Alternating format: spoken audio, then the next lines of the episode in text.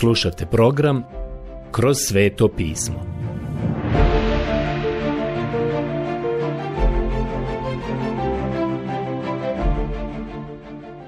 Knjiga Poslanica Galačanima Odlomak Poslanica Galačanima Poglavlje 5 od 1. do 4. stiha Prijatelji, Došli smo do ovog odjeljka za koji sam vam već govorio u kontekstu podjele na glavne teme u poslanici Galačanima. Nakon uvoda imali smo podjelu na tri glavna dijela. Imali smo i taj lični dio koji govori o životu apostola Pavla i koji je veoma važan za nas kako bismo mogli vidjeti i saznati kakvo je iskustvo imao. Zatim smo došli do doktrinalnog dijela opravdanja vjerom odnosno da naše spasenje mora počivati na Božijem dijelu i da postoji samo jedno evanđelje. Apostol Pavle će jasno dati do znanja u ovom petom poglavlju da to evanđelje dopušta samo jedan način. Isus je put i nema drugog imena pod nebom danog nama ljudima po kojem bismo se mogli spasiti. Prošli smo put završili sa tim doktrinalnim dijelom. Danas dolazimo do praktične strane, a to je posvećenje duhom. Opravdanje je po vjeri, posvećenje je po duhu Božijem, to jest Bog nas vidi potpune u njemu. Nije me briga koliko odobri ćete postati, ali vi nikad nećete zadovoljiti njegov standard. Nikada nećete biti poput Krista u ovom životu. A Krist je jedini kome je Bog ikada rekao. Ovo je moj ljubljeni sin koji mi se dopada. Evanđelje po Mateju 3.17 i vrlo iskreno kažem da je on jedini za koga bi Bog to mogao reći. Ali sada smo i mi stavljeni u Krista. Tijelo vjernika, njegova crkva, jeste u Kristu. On je glava tijela, a njegovo tijelo se nalazi u svijetu i ono bi trebalo predstavljati njega. Današnja metoda posvećenja jeste po duhu svetome. I mi u ovom odjeljku imamo objašnjenje toga i vidjet ćemo da se duh protivi tijelu. Ili je to kršćanski život uradi sam, ili će to neko drugi morati učiniti preko vas. Njegova metoda to čini kroz vas. Mi ovdje imamo slobodu nasuprot robstvu. Svaki pravni sistem vas na vrsta način stavlja u robstvo. Morate ga pažljivo pratiti i pokoravati mu se. Na primjer, ja često koristim primjer saobraćajnog policajca. Ponekad pomalo postanem alergičan zbog korištenja te ilustracije jer dobivam pisma od mnogih ljudi koji misle da sam ja neki užasan prekršitelj zakona. Zapravo i jesam. Nedavno sam došao na raskrsnicu. Bilo je rano, nedjelja ujutro. Niko još nije bio vani. Pogledao sam gore dole po ulici i kada sam došao do skretanja, ja se nisam zaustavio a na saobraćajnom znaku je pisalo stop. Ja sam samo skrenuo bez zaustavljanja. Nisam vidio policajca. On mi je prišao i rekao, da li ste vidjeli znak? Rekao sam, da, vidio sam znak. Samo ja nisam vidio vas. On je nastavio, da li znate šta taj znak znači? On mi je tamo održao lekciju.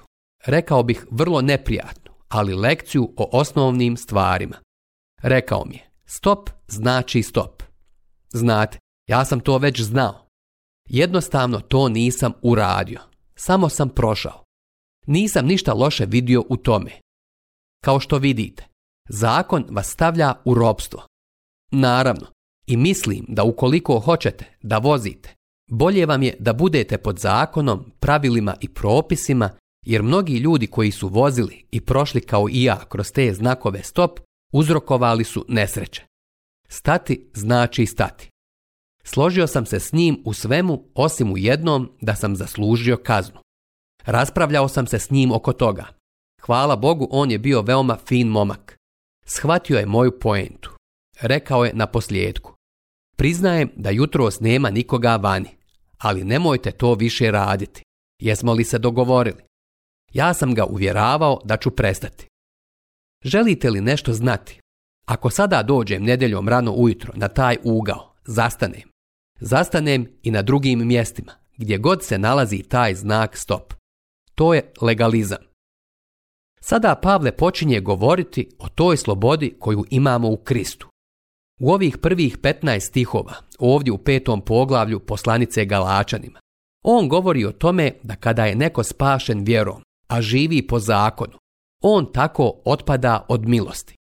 To se odnosi na sve one koji su po milosti spašeni vjerom, a zatim se spuste na razinu zakona da žive po njemu. Sada ćemo to vidjeti ilustrovano. Prelazimo na sljedeći odjeljak. Sada ću pročitati prvi stih u petom poglavlju poslanice Galačanima. Slobodi nas je doveo Krist. Stojte dakle čvrsto i ne dajte se opet uhvatiti u jaram robstva. Poslanica Galačanima 5.1 ono što on ovdje govori jeste da mi nismo samo spašeni vjerom, već da zakon nije pravilo života ili praktikovanja pobožnosti za vjernika. To nije način na koji mi uopšte trebamo živjeti, po zakonu.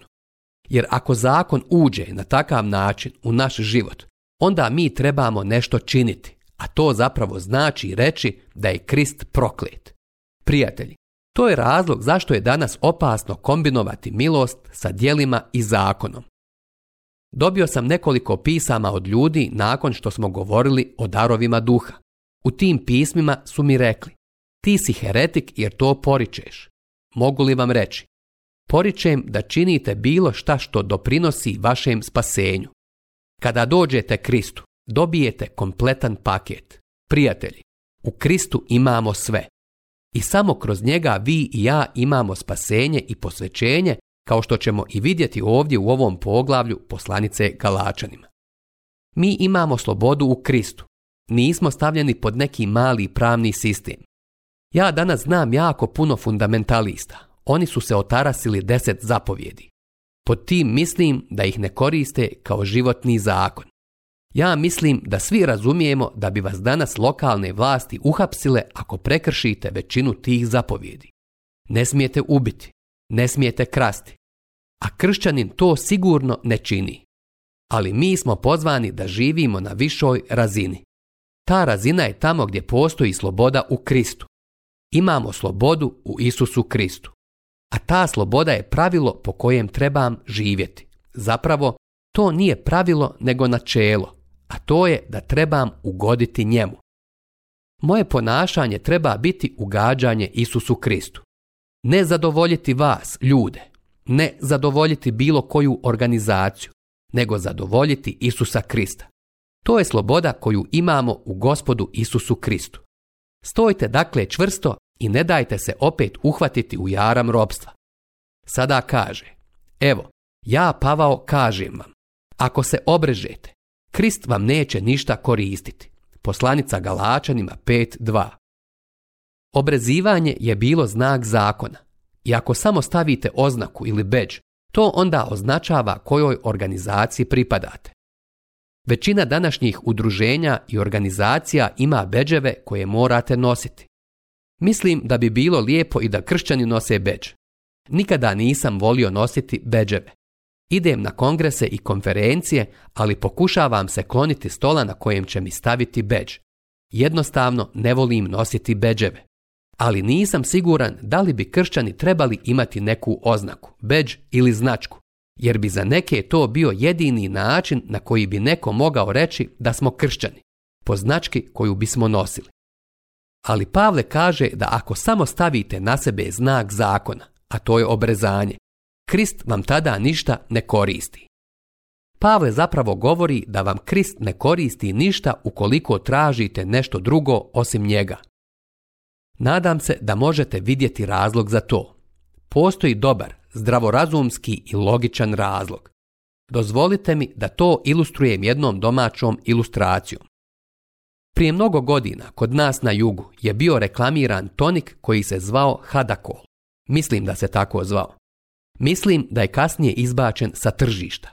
Ne znam sve detalje, jer mi se čini da su pronašli oko 75% alkohola u tom toniku. Usput da kažem, dok se to nije desilo, mnogi ljudi su ga koristili. Ja sam poznavao mnogo kršćana koji su rekli O, to ti je sigurno pomoglo. Čini da se osjećaš dobro. Ja sam siguran da bi 75% alkohola imalo takav učinak i tako su ljudi koristili i uzimali hadakol.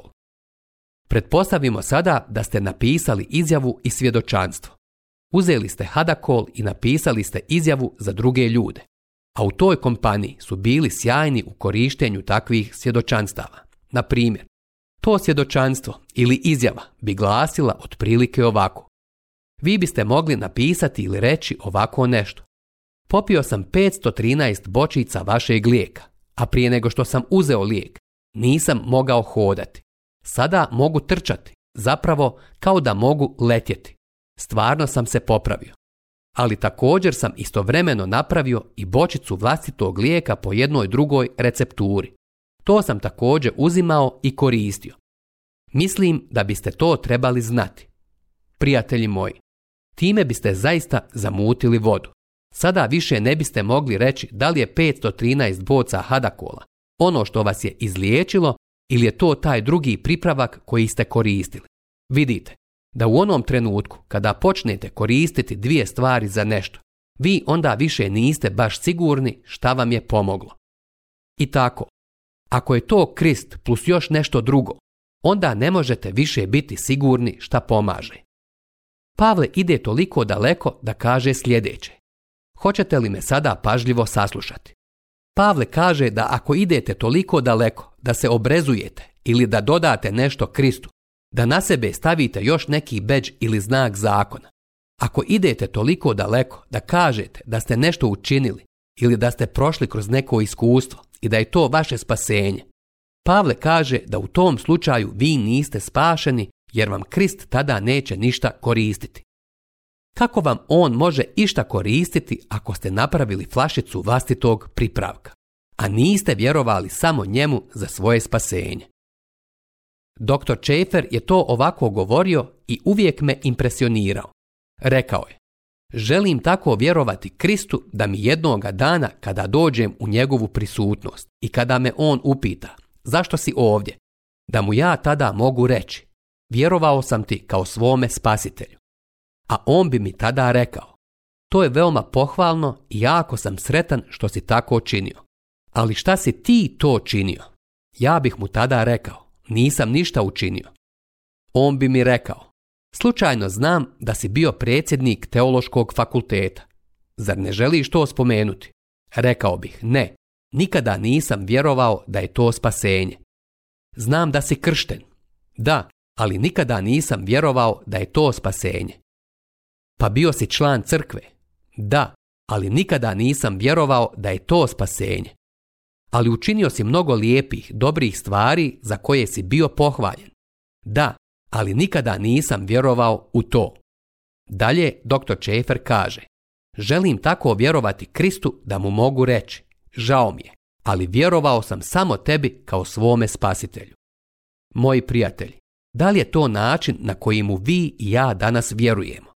Da li je to način na koji počivamo na gospodu Isusu Kristu kao našem spasitelju? Pavle to veoma snažno opisuje. Nemojte mene kriviti za to. Apostol Pavle kaže, evo ja, Pavle, kažem vam. Ne kažem ja, Vernon McGee. Ovo nije interpretacija Vernon McGee. Ovo je Pavlova interpretacija.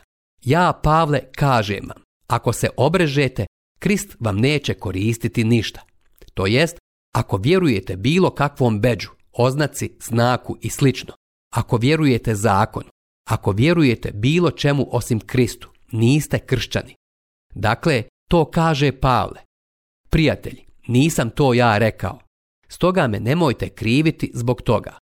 Samo mi recite šta on to misli ovdje ukoliko se ne slažete sa ovim što sam ja upravo rekao. Ja bih volio znati ako je apostol Pavle mislio na nešto drugo. Ali zašto onda nije rekao nešto drugo? Ovo je ono što on kaže. Pročitat ćemo sada treći stih. A opet svjedočim svakome čovjeku koji se obreže da je dužan vršiti sav zakon. Poslanica Galačanima 5.3 Vidite, ne možete izvući iz zakona samo ono što želite neki ljudi posebno vole izostaviti kazne i mnogo drugih detalja. Danas sam presretan što nisam pod zakonom. Uopšte nisam pod zakonom i imam slobodu u Kristu. E sada, moram priznati da imam problem da mu uvijek ugodim. Siguran sam da mu se moje ponašanje ne sviđa uvijek, ali on je taj kome ja pokušavam ugoditi. Ne želim ugoditi nekom pravnom sistemu tako što ću ga slijediti i ispunjavati njegova pravila i zakone. Dakle, apostol Pavle kaže, a opet svjedočim svakome čovjeku koji se obreže da je dužan vršiti sav zakon. Poslušajte ga sad šta on dalje govori. Rastavljeni ste od Krista vi koji se hoćete opravdati zakonom. Izgubiste milost. Poslanica Galačanima 5.4 ono što apostol Pavle govori je sljedeće. Ukoliko ste spašeni vjerom u Krista i ukoliko se sada spuštate na nisku razinu i živite po zakonu, onda ste otpali od milosti. To zapravo znači otpasti od milosti. Mislim da je to nešto što se danas uveliko pogrešno razumije. Sjećam se kad sam bio student na teološkom fakultetu moje denominacije, kada je jedan teolog rekao da je otpad od milosti doktrina u koju vjeruju metodisti, a praktikuju je prezbiterijanci. Siguran sam da većina njih danas to praktikuje. Zapravo, to ne znači pasti u neki otvoreni grijeh ili nemarno ponašanje i time izgubiti svoje spasenje, pa da morate biti spašeni iznova. Naravno, nema uopšte bilo kakve reference, odnosno biblijskog stiha koji ukazuje na tako nešto. Otpasti od milosti je, kako ja to razumijem, nešto sasvim suprotno od onog izraza jednom spašen, zauvijek spašen. Mislim da su oba izraza nesretno skrojena. Ta terminologija nije baš najsretnija. Pavle sada govori o otpadanju od milosti u ostatku ovog poglavlja u poslanici Galačanima, ali i u poslanici Rimljanima. Pavle u poslanici Rimljanima počinje da govori o čovjeku koji se nalazi na mjestu potpunog bankrota, bez pravednosti, potpuno izopačen, neplodan, poput trulog voća. Mogu i tako da ga opišem. Čovjek je grešnik pred Bogom. Na kraju poslanice Rimljanima vidite čovjeka koji je u službi Bogu. Od njega se traži da učini određene stvari. On je opomenut da izvrši određene stvari. On je potpuno odvojen od Boga. Mora biti poslušan Bogu. Čovjek je božji sluga. Sada postoje dva moćna Božja djela koja stoje između čovjeka i njegovog palog stanja i čovjeka u službi Bogu. Koja su to Božja djela? Spasenje i posvećenje. Naše spasenje je opravdanje vjerom, kao što smo to već vidjeli. I to je nešto što je veoma važno. A posvećenje znači da sada, kada ste spašeni, to ne znači da postanete zauzeti. To jednostavno znači ovo da sada dolazite na novu razinu življenja. Sada ste spašeni. Mislim da je danas najveća zabluda kršćanskog života da je služenje bitno i da se morate odmah pozabaviti nečim. Znate da se rana crkva više bavila svojim životom, životom crkve i taj je život bio svjedočanstvo svijetu. Mi smo danas to zaboravili. Vanjski svijet gleda na crkvu i prolazi pokraj nje.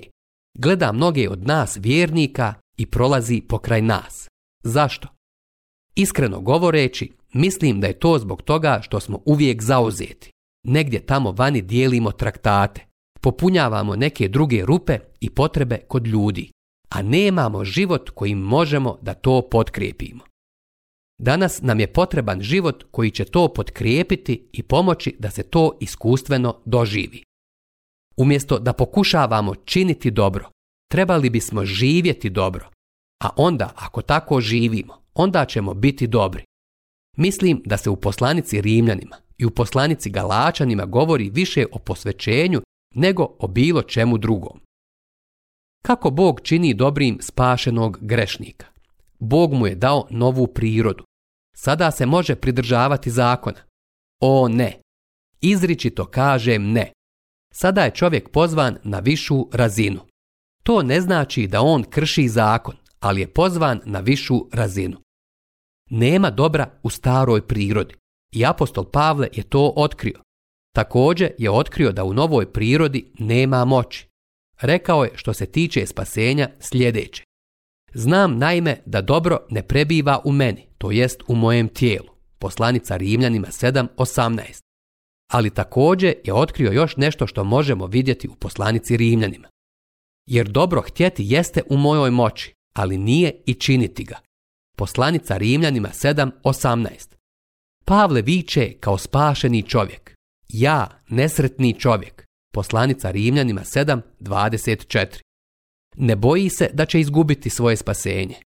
On je poraženi kršćanin i Bog daje novi princip. A taj novi princip koji ćemo pronaći ovdje u ovom poglavlju jeste plod duha.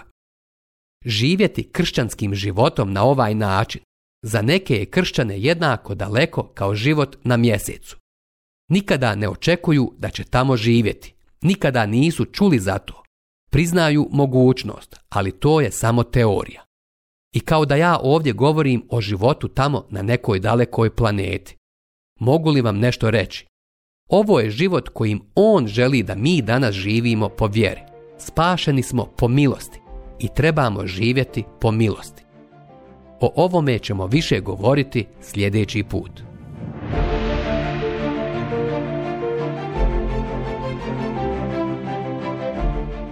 Slušali ste emisiju Kroz sveto pismo.